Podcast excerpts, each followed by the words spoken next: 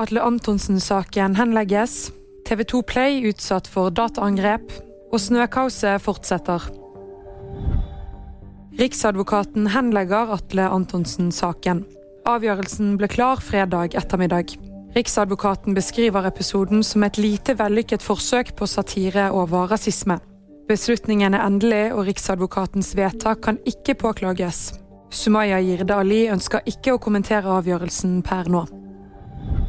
Rundt 18 000 TV 2 Play-kunder skal være rammet av et dataangrep fra utenlandske IP-adresser.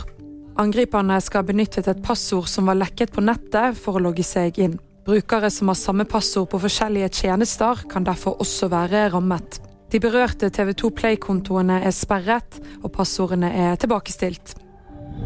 Fredag er det meldt om flere trafikkuhell og ulykker rundt omkring i landet som følge av snøværet. Veitrafikksentralen Øst har alt av mannskap ute, men tror ikke at kaoset stopper med det første. De oppfordrer derfor trafikanter til å kjøre forsiktig og ta det med ro. Og VG-nyheter fikk du av Hanne Sofie Andresen.